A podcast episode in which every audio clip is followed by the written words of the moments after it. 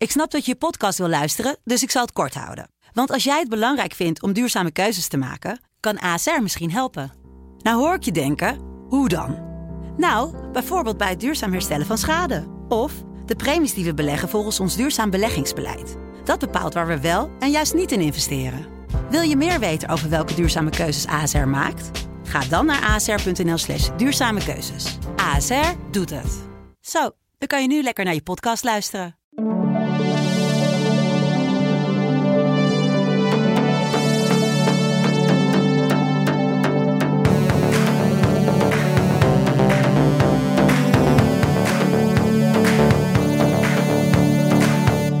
Lieve mensen, welkom bij de Songfestival Awards podcast.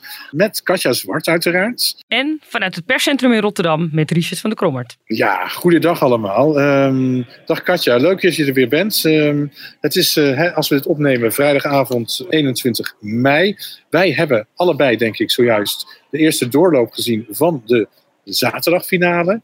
En er zaten een paar hele leuke dingen. Daar gaan we het absoluut over hebben. Mm -hmm. Want daar is, daar is echt wel een en ander over te zeggen. Maar wat uh, we mee beginnen is natuurlijk, hè, als een bom is ingeslagen dat uh, Duncan Lawrence uh, positief getest is op corona. Ja. En ja, wat er gebeurt hier in Ahoy, dat heb ik volgens mij al, ook al eerder verteld, is dat iedereen wordt om de 48 uur getest. Je moet, voordat je Ahoy inkomt, eerst langs dat testcentrum. dat staat een enorm lange rij. Dan moet je in een cabine komen. Dan moet je gaan bla een blaastest doen, die heel vaak misgaat. En uiteindelijk, nou, ik heb uiteindelijk uh, de afgelopen weken tien keer ben ik getest. Gelukkig elke keer hè, afkloppen negatief. Vandaar dat ik hier ook nog steeds mag zitten. Maar bij uh, Duncan ging het fout. En ik ben even naar Sietse Bakker gelopen. Die loopt hier ook rond in het perscentrum. Donderdagavond ben ik vlak voor de uitzending van de tweede finale even naar hem toe gelopen. En ja, hij zei ook echt, en dan gaan we naar luisteren even een stukje, dat zijn grootste zorg nog steeds corona is. Sietse, een paar weken geleden spraken we elkaar ook. En toen zei je ook tegen ons en tegen iedereen... een van mijn grootste zorgen over het Songfestival is het coronavirus. En hoe gaat dat tot nu toe? Ja, het gaat eigenlijk uh, over het algemeen heel goed. We hebben vandaag onze 25.000ste test uh, gedaan hier in ons testpaviljoen sinds 6 april.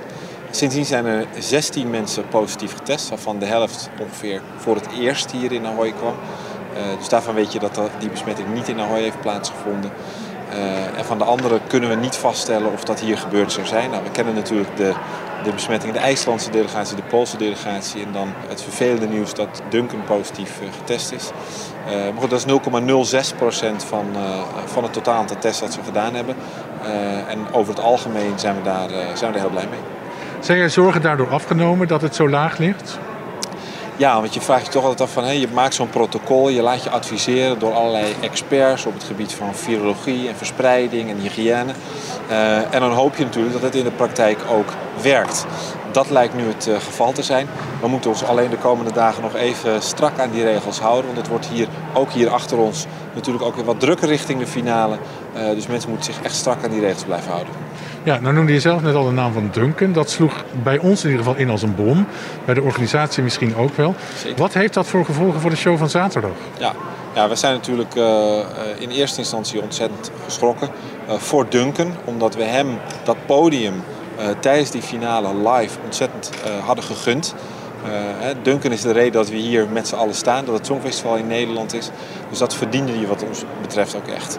We zijn nu met een soort plan B en een plan C bezig. Daar hadden we van tevoren natuurlijk al over nagedacht, zoals we met alles de afgelopen maanden met scenario's hebben gewerkt. Nou stond Duncan naast. Er was meteen discussie van, nou moet Atsilia dan niet in quarantaine?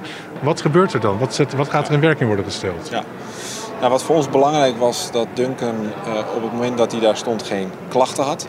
En we hebben natuurlijk ook nog even de regels van het RIVM erbij gepakt en gekeken van hè, wanneer heb je nou risico gelopen. Nou, Duncan en het Cilia hebben daar twee minuten gestaan. Eerder op de dag tijdens de generale twee minuten. Uh, en dat is bij lange na niet de 15 minuten dat je uh, binnen die anderhalve meter onbeschermd moet staan om risico te lopen. Dus op basis daarvan is het risico laag tot zeer laag. We hebben wel gezegd, laten we vanaf nu de presentatoren even elke dag testen. Uh, om er zeker van te zijn dat zij in goede gezondheid uh, de eindstreep halen. Ja. Blijkt dan achteraf gezien dat COVID nog steeds de grootste uitdaging voor jullie is?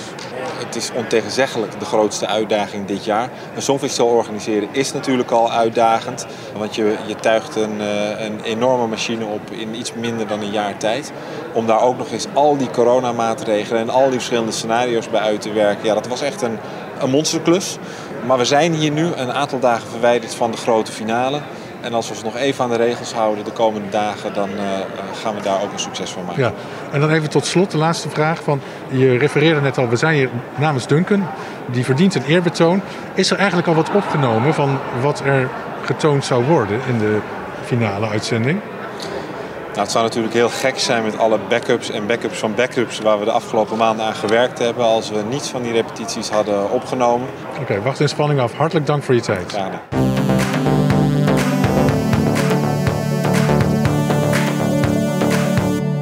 dat was Sietse. Nou, Katja, ik bedoel, het is echt gewoon een uh, persoonlijk drama, denk ik, voor Duncan. Dat hij niet in die finale kan staan. Verschrikkelijk. Dat is, dat is hartverscheurend. Weet je, dat, uh, je hebt, hij heeft voor onze zegen gezorgd natuurlijk. Hij heeft ervoor gezorgd dat wij nu in Rotterdam zitten. Precies. Dan lijkt me dat je dat hem mooi wil afronden met een optreden hè, in Rotterdam. En dan kan dat niet. Uh, we hadden IJsland al gehad natuurlijk ook zo'n heel zielig verhaal net zo of zieliger eigenlijk, omdat het hier de vorige winnaar betreft. Ja. Nee, hartverscheurend. En uh, Sietse zei net al, hè, we, we hebben natuurlijk beelden als backup van backup van backup gemaakt. Zo drukt hij zich uit. En nou, dat is gelukkig ook zo, want wij hebben hè, vandaag al even de middag, uh, in de middag die finale opname gezien. En daar zien we gelukkig Duncan wel in terug. Ja, nou dat is goed dat dat er is, anders was het helemaal uh, erg geweest natuurlijk. Ik dacht van nou, weet je, die Duncan kan dan op zich nog wel vanuit een kamertje toch de punten ook namens Nederland geven, wat de bedoeling was. Uh, dat gaat niet door. Dat gaat Romy Montero nu doen. Ook leuk. Zij is de afgelopen tien jaar heel vaak genoemd als zijnde kandidaat om Nederland te vertegenwoordigen op het Songfestival. Dat zou nog steeds natuurlijk verschrikkelijk leuke kandidaat zijn. En een geschikte kandidaat lijkt mij. Maar het opvallende was dat tijdens die repetitie het Cilia zei dat Duncan de bokaal over gaat geven aan de nieuwe winnaar. Nu in deze repetitie die we gezien hebben, bedoel je? Ja, die wij vanmiddag gezien hebben. Ja, maar dat staat toch nog automatisch in de tekst? Dat is toch niet zo gek? Ik snap wat jij het zegt. Aan de andere kant dacht ik van nou, misschien hebben ze er wat op verzonnen. Want ze hebben duidelijk wel andere delen van de tekst wel aangepast. En ook gewoon benoemd. Oké. Okay. Op het moment dat Duncan werd aangekondigd, dat hij uh, er niet bij kon zijn. Oké, okay, nou nu maak je me heel benieuwd. Of heel nieuwsgierig bedoel ik? Nou ja, ik weet natuurlijk ook niet. Bedoel, op een gegeven moment is er natuurlijk ook die puntentelling geweest. En uiteindelijk in die fake puntentelling won Spanje. En ja, er was. Ik zag het, ja. Precies. Nou ja, die dame die voor Spanje die bokaal op kwam halen, pakte hem zelf van de standaard. Dus er was geen stand-in voor Duncan bijvoorbeeld. Uh... Ja, maar oké, okay, maar je hebt voorheen ook uh, andere jaren die repetities gezien. Precies, en dan is En dan er, zie je uh... de meest hilarische tafereelen natuurlijk zo'n eerste repetitie. Dat een vrijwilliger die bokaal pakt of heel vals het lied mee gaat zingen. Wat ik altijd heel grappig vind. Ja, klopt. De EBU heeft trouwens ook nog een persconferentie gegeven. Ja. Met de nieuwe Jan Ola Sant erin natuurlijk. Martin dat is weet. En uh, niet dat, dat daar heel erg veel nieuws uitkwam, maar ik ga ervan uit dat hier wel heel veel Songfestival-fans naar onze podcast uh, luisteren. En één ding dat wel aan de orde kwam, dat ik in ieder geval ook wel wil uh, noemen, is de tijd die er is tijdens die postcards, die 40 seconden, die kwam even ter sprake. Nou, wij kennen dat. Als je in de zaal zit, hè, iedereen die in de zaal heeft gezeten kent dat ook.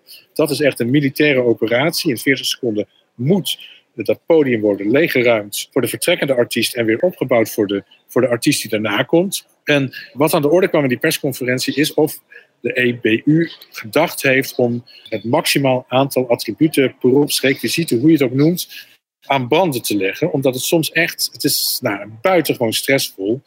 En het gaat ook eigenlijk bij elke repetitie gaat het een keer mis. Ja, hoe komt dat? Want afgelopen jaar hebben we toch veel meer requisieten gezien.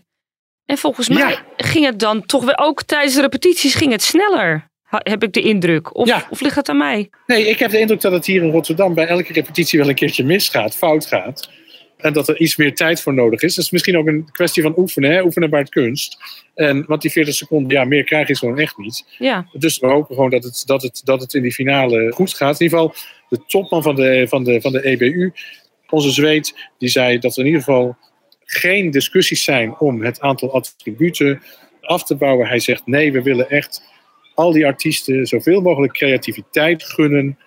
En restricties daarop, daar is in ieder geval op dit moment geen sprake van. Dat vond ik eigenlijk wel prettig, want dat betekent ook voor het Songfestival dat iedereen vrij blijft in de keuze van hoe hun optreden op te bouwen. Ik, ben, ik was heel blij met dat antwoord. Is er ook nog gevraagd naar de achtergrondzang? Want er is sprake van dat die regel blijft, dat de achtergrondzang op band mag. Ja, daar is inderdaad naar gevraagd. Het is goed dat je dat zegt. Maar daar werd op geantwoord, nou, dat hebben we bepaald voor dit jaar. En we gaan dit jaar nog evalueren.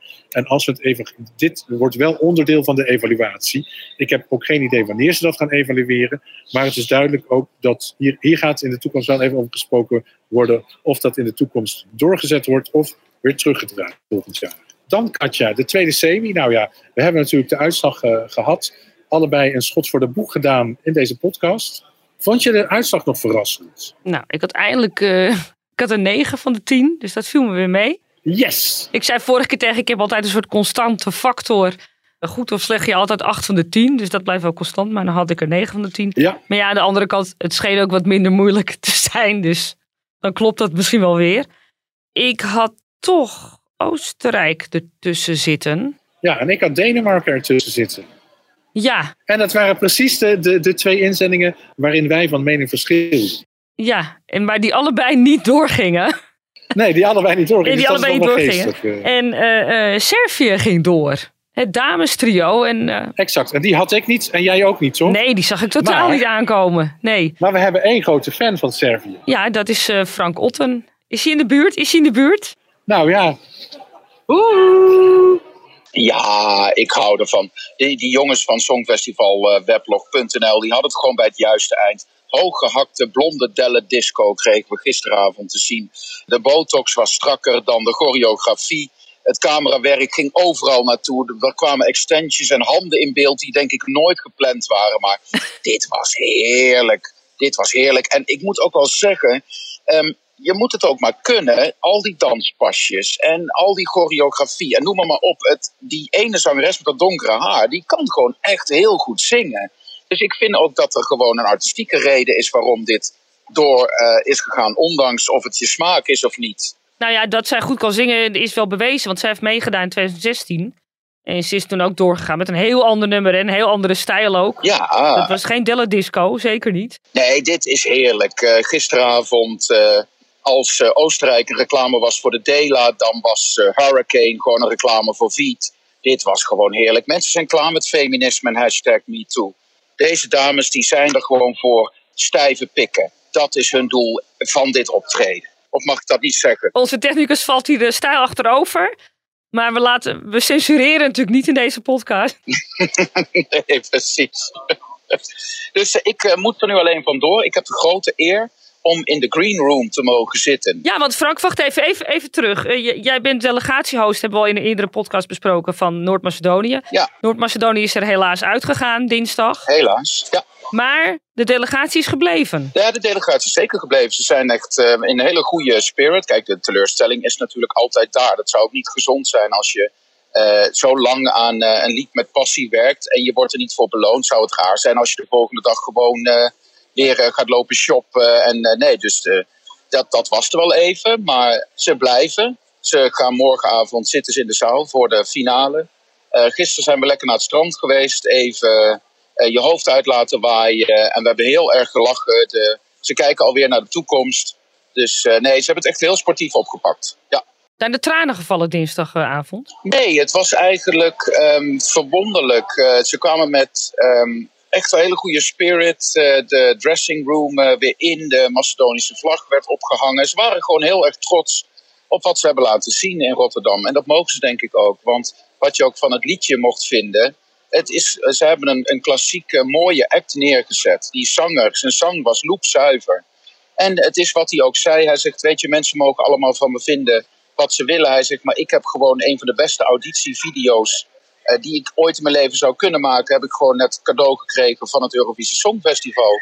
Hij zegt, ze hebben gewoon een geweldige act opgenomen. Dus als ik ergens weer ga solliciteren als zanger, dan laat ik dit zien. En ja, dan heb je natuurlijk wel een visitekaartje om te laten zien. Ja, wie wil dat niet in zijn portfolio, zou ik zeggen. Nee, toch? En dan nu het, het, het voordeel van dat nadeel is dat ik nu niet meer als delegatiehost hoef te werken. En eh, ik mag nu eh, tijdens de juryfinale en de grote finale zaterdag eh, in de green room zitten. Hoe is dat? Want je hebt er al gezeten natuurlijk. Ja, nou, dat is echt niet normaal. Ik, heb, ik doe nu elf jaar Songfestival. En ja, dit is een beetje. Ik schreef gisteren op Facebook als geintje. Moslims gaan naar Mekka. Ik zat in de green room. Weet je, zo voelt het voor mij Ja. gewoon. Dit is gewoon een soort heilige grond waar, waar zo weinig mensen maar mogen zitten. En je zit daar, je zit voor het podium. En je voelt de energie uit de zaal. En dan eh, de, de ene naar de andere artiest komt binnenlopen. Het systeem is wel zo, je bezet een, eh, zo'n green room booth, bezet je. Totdat de artiest heeft opgetreden. Oké. En daarna ga jij gewoon verder vanuit de tribune weer naar de show kijken. Ja. Maar je mag het wel meebeleven. Ja. Dus, en gisteren had ik het geluk dat ik in een van de, de, de booths zat van de Big Five. Dus die traden niet op. Dus ik mocht er de hele show zitten. Maar ja, dat geluk heb ik dadelijk niet.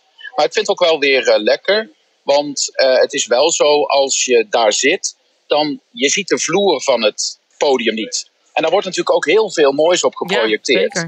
Dus je ziet de artiest en je voelt, je zit er heel dichtbij, maar eigenlijk dat wat mensen op televisie zien, krijg jij niet mee.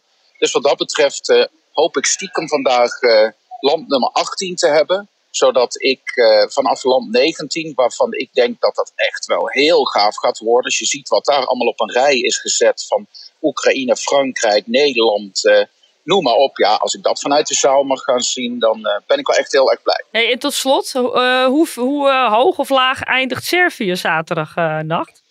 Nou, dat kan nog wel eens interessant worden. Want als je kijkt dat de, bijna alle Balkanlanden zijn uitgeschakeld.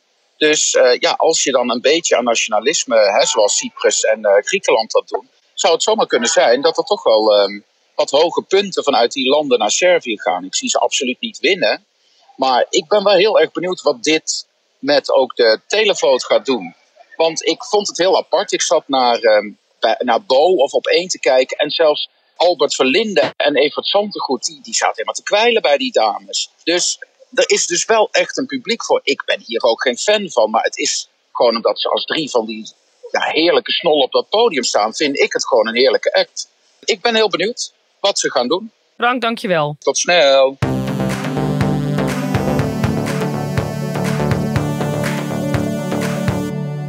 Ja, jij hebt me aan twijfelen gebracht eh, eh, vorige keer over Denemarken. Want je zei het venijn zit hem in de staart, bla bla bla. Hè, Ja. Vrolijke afsluiter. En toen ging ik twijfelen. Toen denk ik, moet ik nou... Ja, Richard heeft een punt. Moet ik nou Denemarken in plaats van die Oostenrijk doen? En toen... Nou, wat heb ik toen gedaan? Ik heb één Eurovisie-orakel in mijn leven. Al mijn hele leven lang. En dat is mijn moeder. Mijn moeder zit momenteel in Griekenland. En die belde ik. En dan vraag ik gewoon luk, lukraak, wat vond jij goed? Hè, ze vertegenwoordigt ook eh, behalve een heel ander land ook een andere generatie. Dus dat vind ik ook interessant. Ik zeg, ma Denemarken. Nee, nee, nee, zei ze. Absoluut niet. Dat snappen ze. Ik denk, verrek, ze heeft gelijk. Dat slagergedoe, of waar het op lijkt. Dat snappen ze natuurlijk in die landen als Servië, Griekenland, eh, Bulgarije niet. Toen was ik overtuigd. Ik denk, nee, geen Denemarken. Dat moet het zijn geweest, maar ik zat dus in het perscentrum en Denemarken kreeg echt een relatief groot applaus. Ik kan niet anders zeggen. Ja, ik, ja, ik denk toch iets dat het is, eh, iets is wat de westerse landen eh, waarderen. En de gemiddelde Songfestival-fan natuurlijk.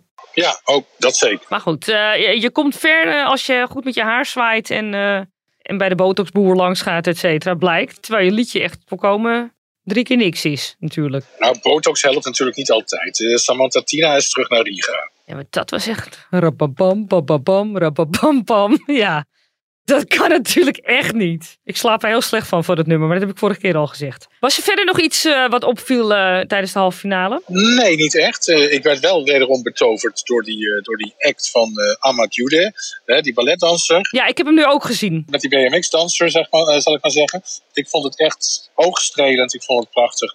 Ik ben blij dat het, dat, dat, dat erin zat. Ik heb ook gekeken. Ja, het, het was erg mooi inderdaad. Ik moet het terugnemen. Wat ik ook terug wil nemen trouwens nog, na gisteravond. Ik heb eerder eh, eh, geroepen toen bekend werd dat Sander Lantinga uh, mede-commentator zou worden van uh, Cornald Maas. Ja? Ik weet niet of je dat nog weet. Zei ik, nou, nou ja, ik weet het niet. Ik weet niet of ik Sander grappig vind. En het enige wat ik een pluspunt vond, is dat hij ook een, een liefhebber is. Maar ik, ik kom hier nu al van terug, al voor de finale. Sander is een blijvertje wat mij betreft. Oh, Ja, ik voel echt zijn liefde eh, voor het Songfestival komt dwars door alles heen. Ja, en ik vind, hem, ik vind hem een fijne aanvulling op Cornald. Dat wou ik even gezegd hebben. zijn ze aan elkaar gewaagd? Wat gebeurt er dan? Kijk, ik zit aan het perscentrum. Wij horen helemaal niets van het Nederlandse commentaar. Eh, aan elkaar gewaagd eh, weet ik niet. Cornald is niet van nature een grappenmaker. Hè? Die is puur informatief en dat is prima. En dat doet hij ook hartstikke goed. Mhm. Sander wil nog wel eens eh, flauwe grappen maken, maar ze zijn niet altijd zo slecht als ik dacht. En waar ik heel hard om moest lachen, maar als ik het nu navertel, is het natuurlijk lang niet zo grappig. Dus die, die jongen van Georgië zei, die, dat is zo aandoenlijk. Die verdient een ei over zijn bol en een bakje pinda's, maar daarna moet hij snel naar huis. Nou ja, zo voelde ik dat ook.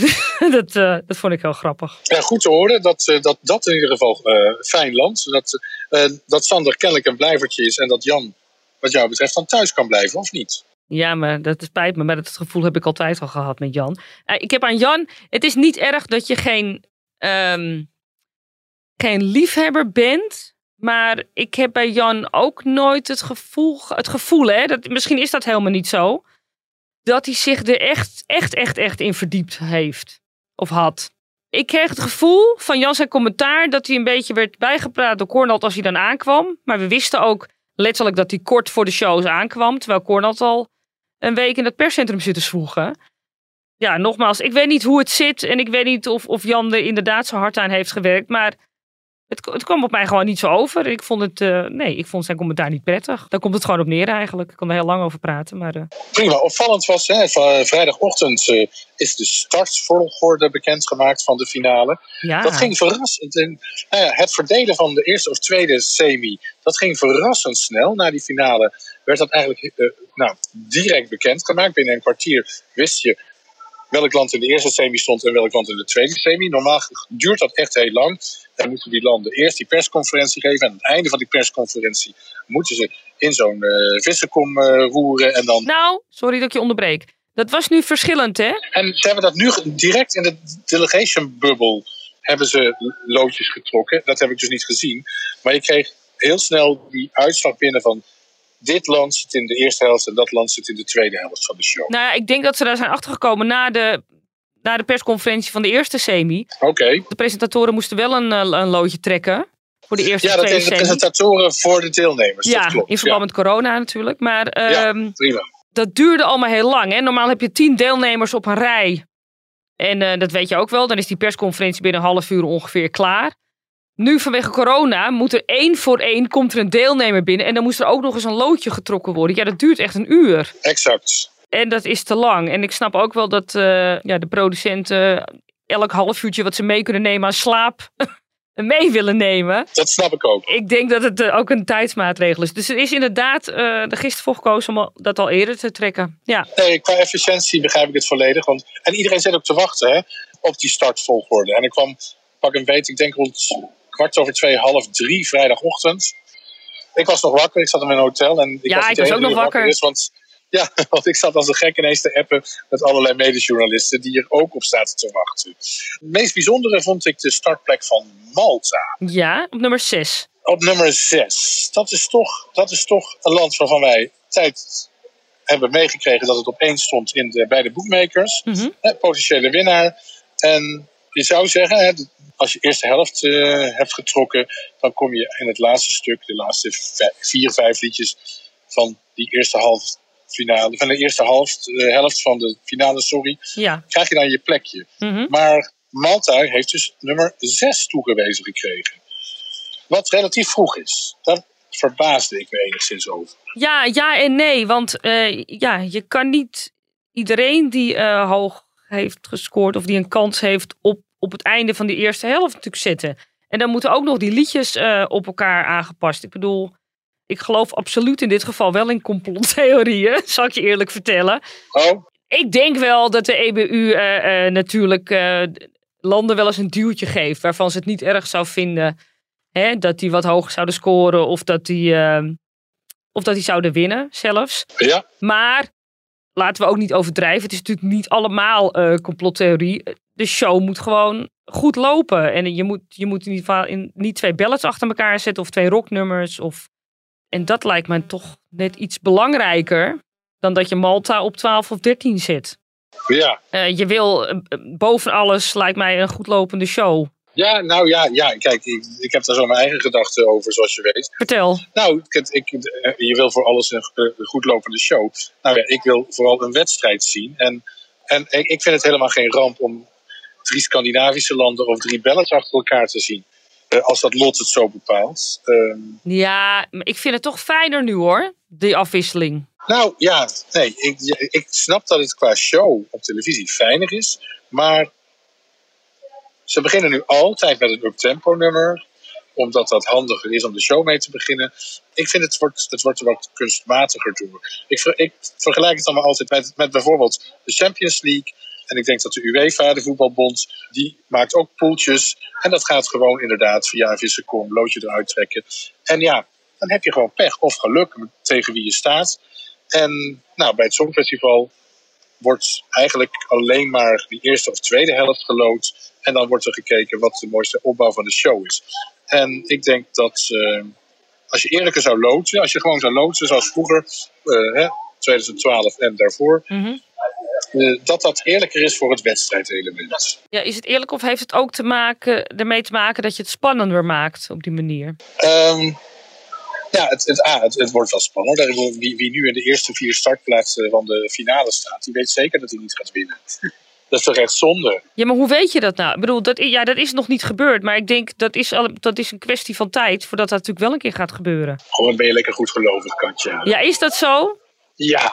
Oh. Het is duidelijk, uh, duidelijk het doel dat ze opbouw aan die show en naar een hoogtepunt toewerken. En ja, die show is slechts verdeeld in twee eenheden. De eerste helft en de tweede helft. En daarin wordt toegewerkt naar een soort hoogtepunt. Nou, wat een domper weer. Nee.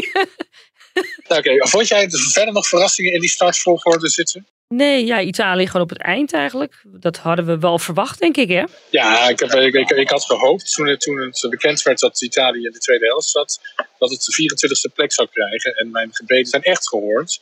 Ik denk dat het een heel erg interessant contrast is naar Jean-Gu om uh, dan Italië op te starten. En dat hebben we zojuist ook gezien, dat dat, uh, dat, dat echt een hele fijne volgorde is trouwens. Ja. En tijdens de repetitie hebben we dat gezien. Ja, nee, IJsland onderaan de eerste helft, zag ik. Ja, als twaalfde, hè? Ja, mooie plek, toch wel? Hey, jij hebt die uh, repetitie van de finale gezien, zojuist, mm -hmm. ik ook. Ja. Nou ja, kijk, het eerste wat mij opviel, dat de jurken nog beter waren dan in de eerste twee shows.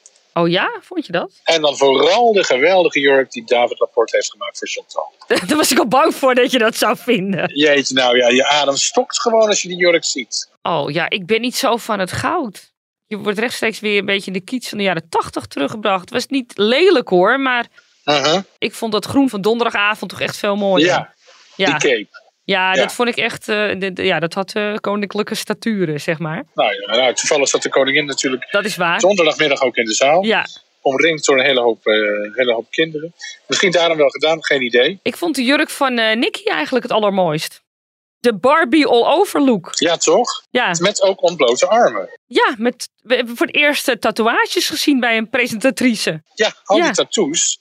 Wel van deze tijd, toch? Ja, nou ja dat, dat moet kunnen, vind ik. Ik bedoel, uh, er zal ongetwijfeld een tijd zijn geweest dat dat niet uh, kon en mocht. Of dat het weggesminkt nee. zou worden. Maar uh, ik vind het fijn dat we het gewoon mogen zien. Nee, ik vond het prachtig. Ik vond het prachtig staan. Eens. Nee, ik, ik zei ook van... Ik begon natuurlijk te zeggen dat de jurken de, deze keer nog beter waren dan in de eerste twee shows. En heeft Etcilia nog eens een soort broekrok aan? Zag ik dat goed? Want ik zag een foto ervan. De achterkant is broek en de voorkant is rokachtig. Ja. Je gaat het even opzoeken, zie ik. Ik, ik ga even kijken, want, ik, want het plaatje erbij. Uh, want dat heb ik meteen doorgestuurd hè, toen, dat, uh, toen het duidelijk was.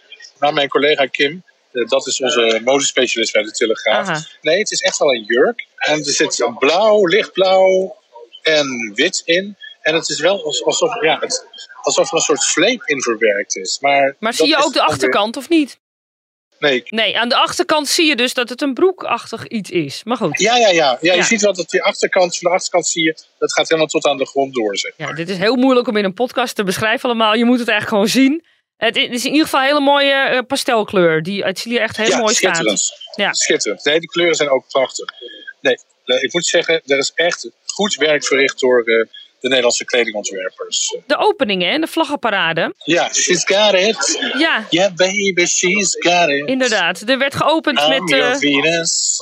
I'm your fire and your desire. Nou kan ik niet zingen, maar dat was fijn, toch? ja, de jongere generatie kent dit nummer natuurlijk van de scheermesjesreclame voor vrouwen. Maar eh, jij en ik, eh, hoewel dit is ook voor mijn tijd, kent het Nee, van iedereen de kent dat nummer. Shocking Blue, hè? Het, eh, een van de Precies. bekendste exportproducten van Nederland. Ja, Pop-exportproducten het van was, het- ik weet het niet zeker of het waar is, maar, maar ik weet wel zeker dat het heeft op één gestaan in de Billboard Hot 100 In Amerika. eind jaren 60. Ja, En ehm, dat was werkelijk een sensatie dat dat toen op nummer 1 kwam. Niet dat ik dat bewust heb meegemaakt, maar die, ja, die verhalen ken ik natuurlijk wel. Ja. En het is af, met recht een lied waar we als Nederland natuurlijk verschrikkelijk trots op zijn. Ja. Want er staat echt dat beat, zo- zo'n Beatles-achtig eh gitaarriffje erin. En het is een wereldhit geworden. Eh, nog in verschillende andere versies eh, daarna opgenomen. Heel veel covers, ook met veel succes. En het leuke was dat Chantal, Etsia en Jan... dat eh, tijdens die vlaggenparade ook gingen zingen met z'n drietjes. ja maar... Nou, dan ga ik even inhaken, want dat nummer van Shocking Blue, hebben we, hebben we Shocking Blue genoemd? Dat weet ik niet. Ik vond dat super dat ze daarmee openden. Dat, meteen, dat geeft meteen wat schwung eraan, zeg maar. En dan gaan ze meezingen. Ik denk, ja, nu gaan ze los. En toen hielden ze ermee op. Ja, ze gaan niet los. Het was heel kort en het was heel braaf. En het was een beetje statig allemaal. Ja, En klopt. ik had verwacht dat ze een beetje... Nou, headbangen hoeft niet, maar een beetje die kant op mag wel. Ja, het zou, toch, het zou fantastischer zijn geweest als het een stuk losser eh, zou zijn geweest. Ben ik volledig met je eens. En ze hebben natuurlijk hè, met Europe Shine the Lights hebben ze ook met z'n drieën gezongen. Ja, En ook dat zag er heel statig uit. Dus daar hebben ze niks in veranderd. Dat is een gemiste kans. ja dat dat statig was, dat begreep ik toen nog wel. Maar nu vind ik het echt jammer. Over statig gesproken. ehm, ik zit te wachten op het moment, wat, wat we twee jaar lang hebben gehoord.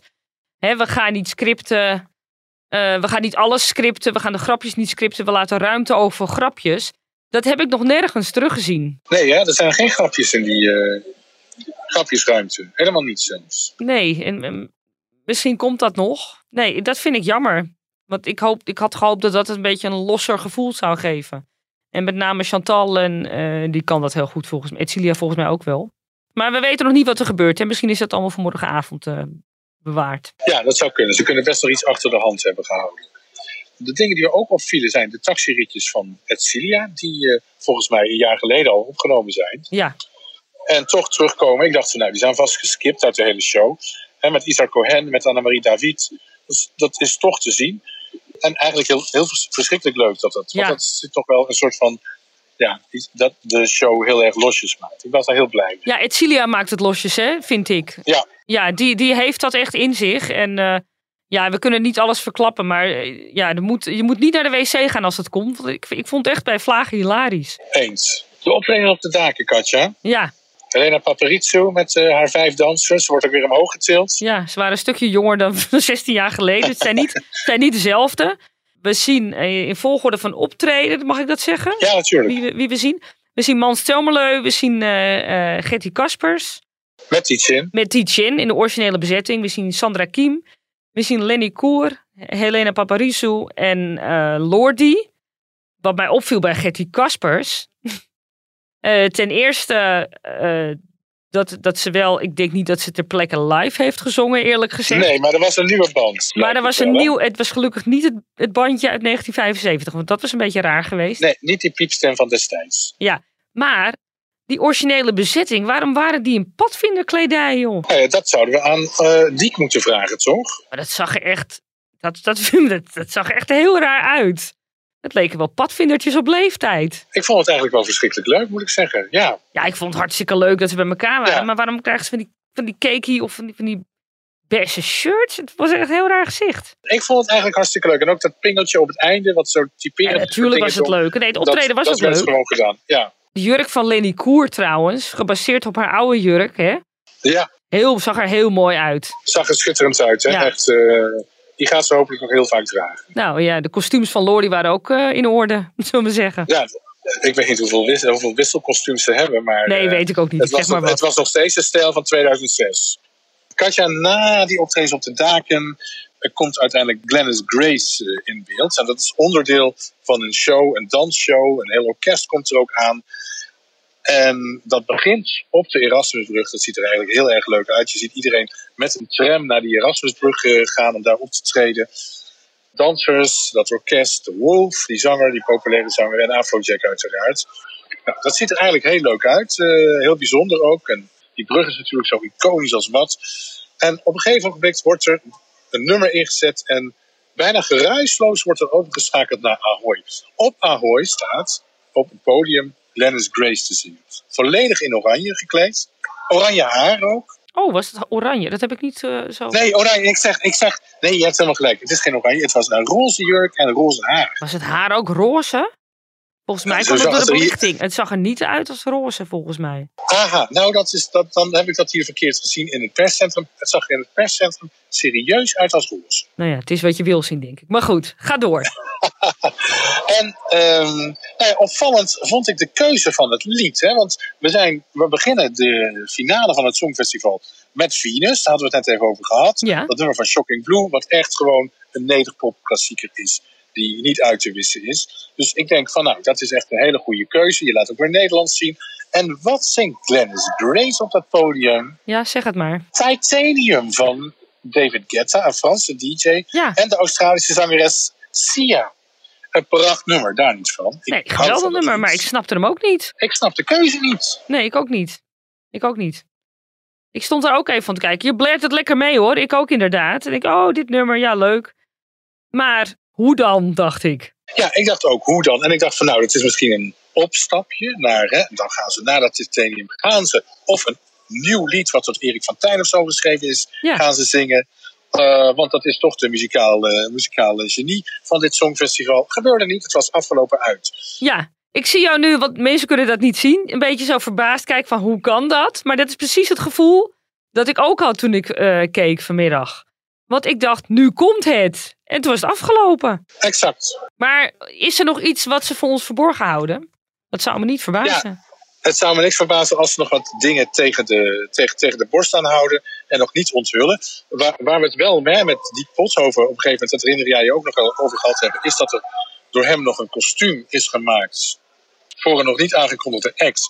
En dat was de act voor het aftelmoment. Het aftelmoment zoals wij dat hebben gezien, dat waren eh, dansers die op het podium stonden en aan het aftellen waren van 10 tot 1. Ja. Die dansers die vormden de cijfers. En dat ging echt heel snel. Dat was eigenlijk ook wel kunstig Heel knap, heel knap. Van Ja. 10, 9, 8, 7. En binnen een seconde moesten ze weer het volgende cijfer gaan vormen op het podium. Het zag er heel goed uit. Ehm, wat, waarvan ik dacht van nou, dat mag eigenlijk wel zo blijven. Misschien is het toch wat, hè, dat, dat is toch natuurlijk een levend geheel. Totdat de echte finale er is, is er gewoon wat veranderd in die show. En dit zag er helemaal niet verkeerd uit. Ik vond het leuk hoe dat gedaan werd.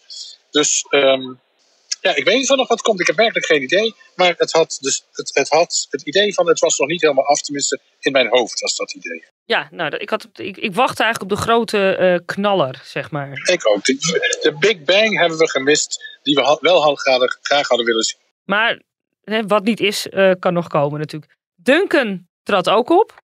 Eh, tenminste, opgenomen natuurlijk. Precies. Met Arcade, gelukkig. Eh, Wat daarna overging in zijn nieuwe single. Ja, Stars. Prachtig nummer. Ja, toch? Ja. Ja, ik vind die man sowieso goed. Ik hou echt van zijn muziek. ja hij, hij raakte me Ja. echt weer, eh, Ja. zijn stem in ieder geval. Maar het nummer ook. Ik vind, ik vind het een heel, mooi, heel mooi lied. En dat heb ik niet snel met nieuwe liedjes die ik hoor. Katja, de 26 landen. Je hebt ze gewikt en gewogen. Ja, toch even een schot voor de boeg. De, de- de- de top 3 wil ik eigenlijk van je horen. Wie Mhm. wint er en wat wordt de top 3? En vooral ook wie eindigt er op de 26e plek? Zal ik beginnen met die 26e plek? Ja, ik denk dat we het daar heel snel over eens zijn. Ik, die wil ik geven aan het Verenigd Koninkrijk. Oké, Met alle plezier. nou, ik geef me aan het andere Big Five rekenbandje aan Spanje.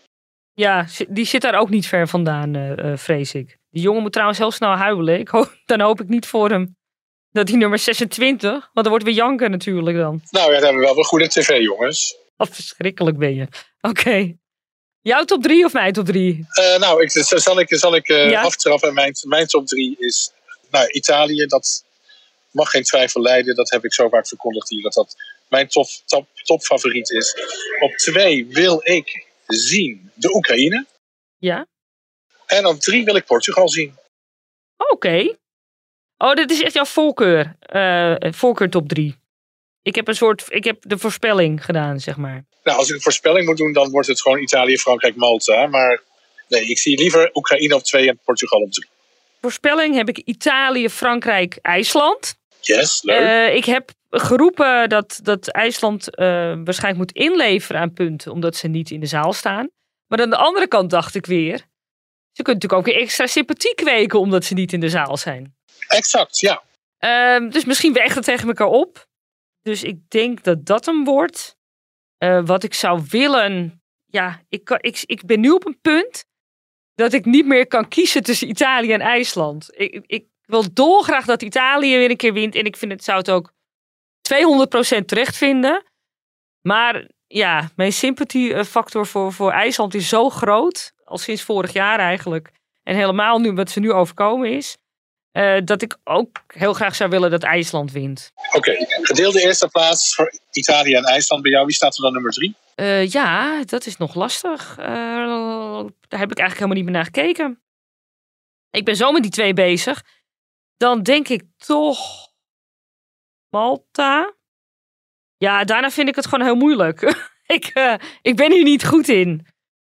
Uh, Oekraïne eindigt volgens mij op de vierde plaats. Nee, we hadden het over top, top 3, daar houden we het bij. Anders uh, exact. Okay. Ja, dat, dat, dat, vind ik ook. Uh, er was in ieder geval wel een bericht bij uh, Eurovoix, zag ik. nee, sterker nog, een, er is een verklaring geweest in een persconferentie van de RAI, de Italiaanse omroep, dat als ze gaan winnen, zaterdagavond, dat ze dan ook het Eurovisie Songfestival willen gaan organiseren. Nou, dat is in ieder geval goed nieuws. Dat is prettig om te horen. Vier jaar geleden was er min of meer hetzelfde aan de gang. Toen stond Italië ook heel lang bovenaan. Uiteindelijk heeft Portugal gewonnen natuurlijk. Dat weten we allemaal nog wel. En in die persconferentie werd ook gezegd dat toen ook al werd gesproken over een potentiële gaststad voor het Eurovisie Songfestival. Als dat dan hè, in 2018 in Italië plaats zou vinden. En toen werd gekozen voor Turijn. Nou, prima. Nou, prima stad lijkt mij. En ook in de buurt van uh, Frankrijk en Zwitserland, die natuurlijk dit jaar ook hoog gaan scoren op het Songfestival. Als die, als die keuze wordt doorgetrokken. Maar is er sprake van dan dat uh, een land wat tot de Big Five behoort zegt: wij willen het niet organiseren? Want dat lijkt me dubbel zo vreemd. Ja, dat lijkt me ongelooflijk nieuwswaardig. Dus ik ben blij dat er kennelijk is gezegd dat ze het wel willen organiseren. En wat er gebeurt in aanloop op, het in aanloop op de eindzege, de finale. Ik weet hè, van twee jaar geleden is Nederland ook, hè, er werd ook van, klaargestoomd van, ja, jullie zouden wel eens kunnen gaan, kunnen gaan winnen. Uh, we willen dat jullie serieus gaan nadenken over de organisatie van het jaar daarna.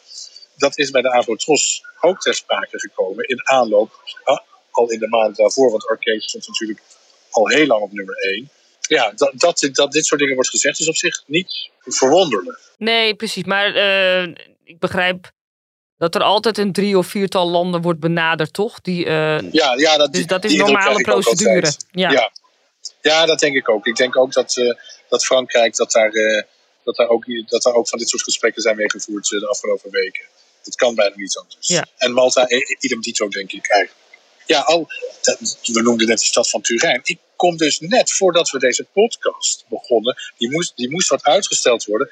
Want ik kreeg ineens de kans om een heel kort interview te doen met de Maneskin, de band die Italië vertegenwoordigt. Wat spreek je dat mooi uit? Ja, nou ja. Het, nee, je spreekt het echt mooi uit. Bij dat Songfestival krijg je natuurlijk eh, niet langer dan vijf minuten de tijd om al die artiesten te interviewen. Dus je moet echt vragen een beetje voorbereiden. Uh, en na die vijf minuten word je op je schouder getikt door zo'n perswoordvoerder. En dat is dan een seintje van, nou, nu echt laatste vraag en wegwezen. Want er staan er nog een aantal achter je in de rij. Wat ook heel begrijpelijk is, zeker ook bij deze inzending. Een gesprek aan Måneskin heb ik dan wel ervaren. Dat zijn uh, vier mensen zitten ook met z'n vieren tegenover je in zo'n interviewhok. Het is een beetje chaotisch, want als je een vraag stelt, willen ze zo ongeveer alle vier tegelijkertijd antwoorden. Dat is natuurlijk wel een wat verlegener lid van de band en een wat meer, uh, en een wat meer iemand die het naar zich toe trekt. Hè. Victoria en ook uh, Damiano trokken het gesprek wat meer naar hem toe. Damiano is de leadzanger van uh, Maneskin. van, van, van Maneskin.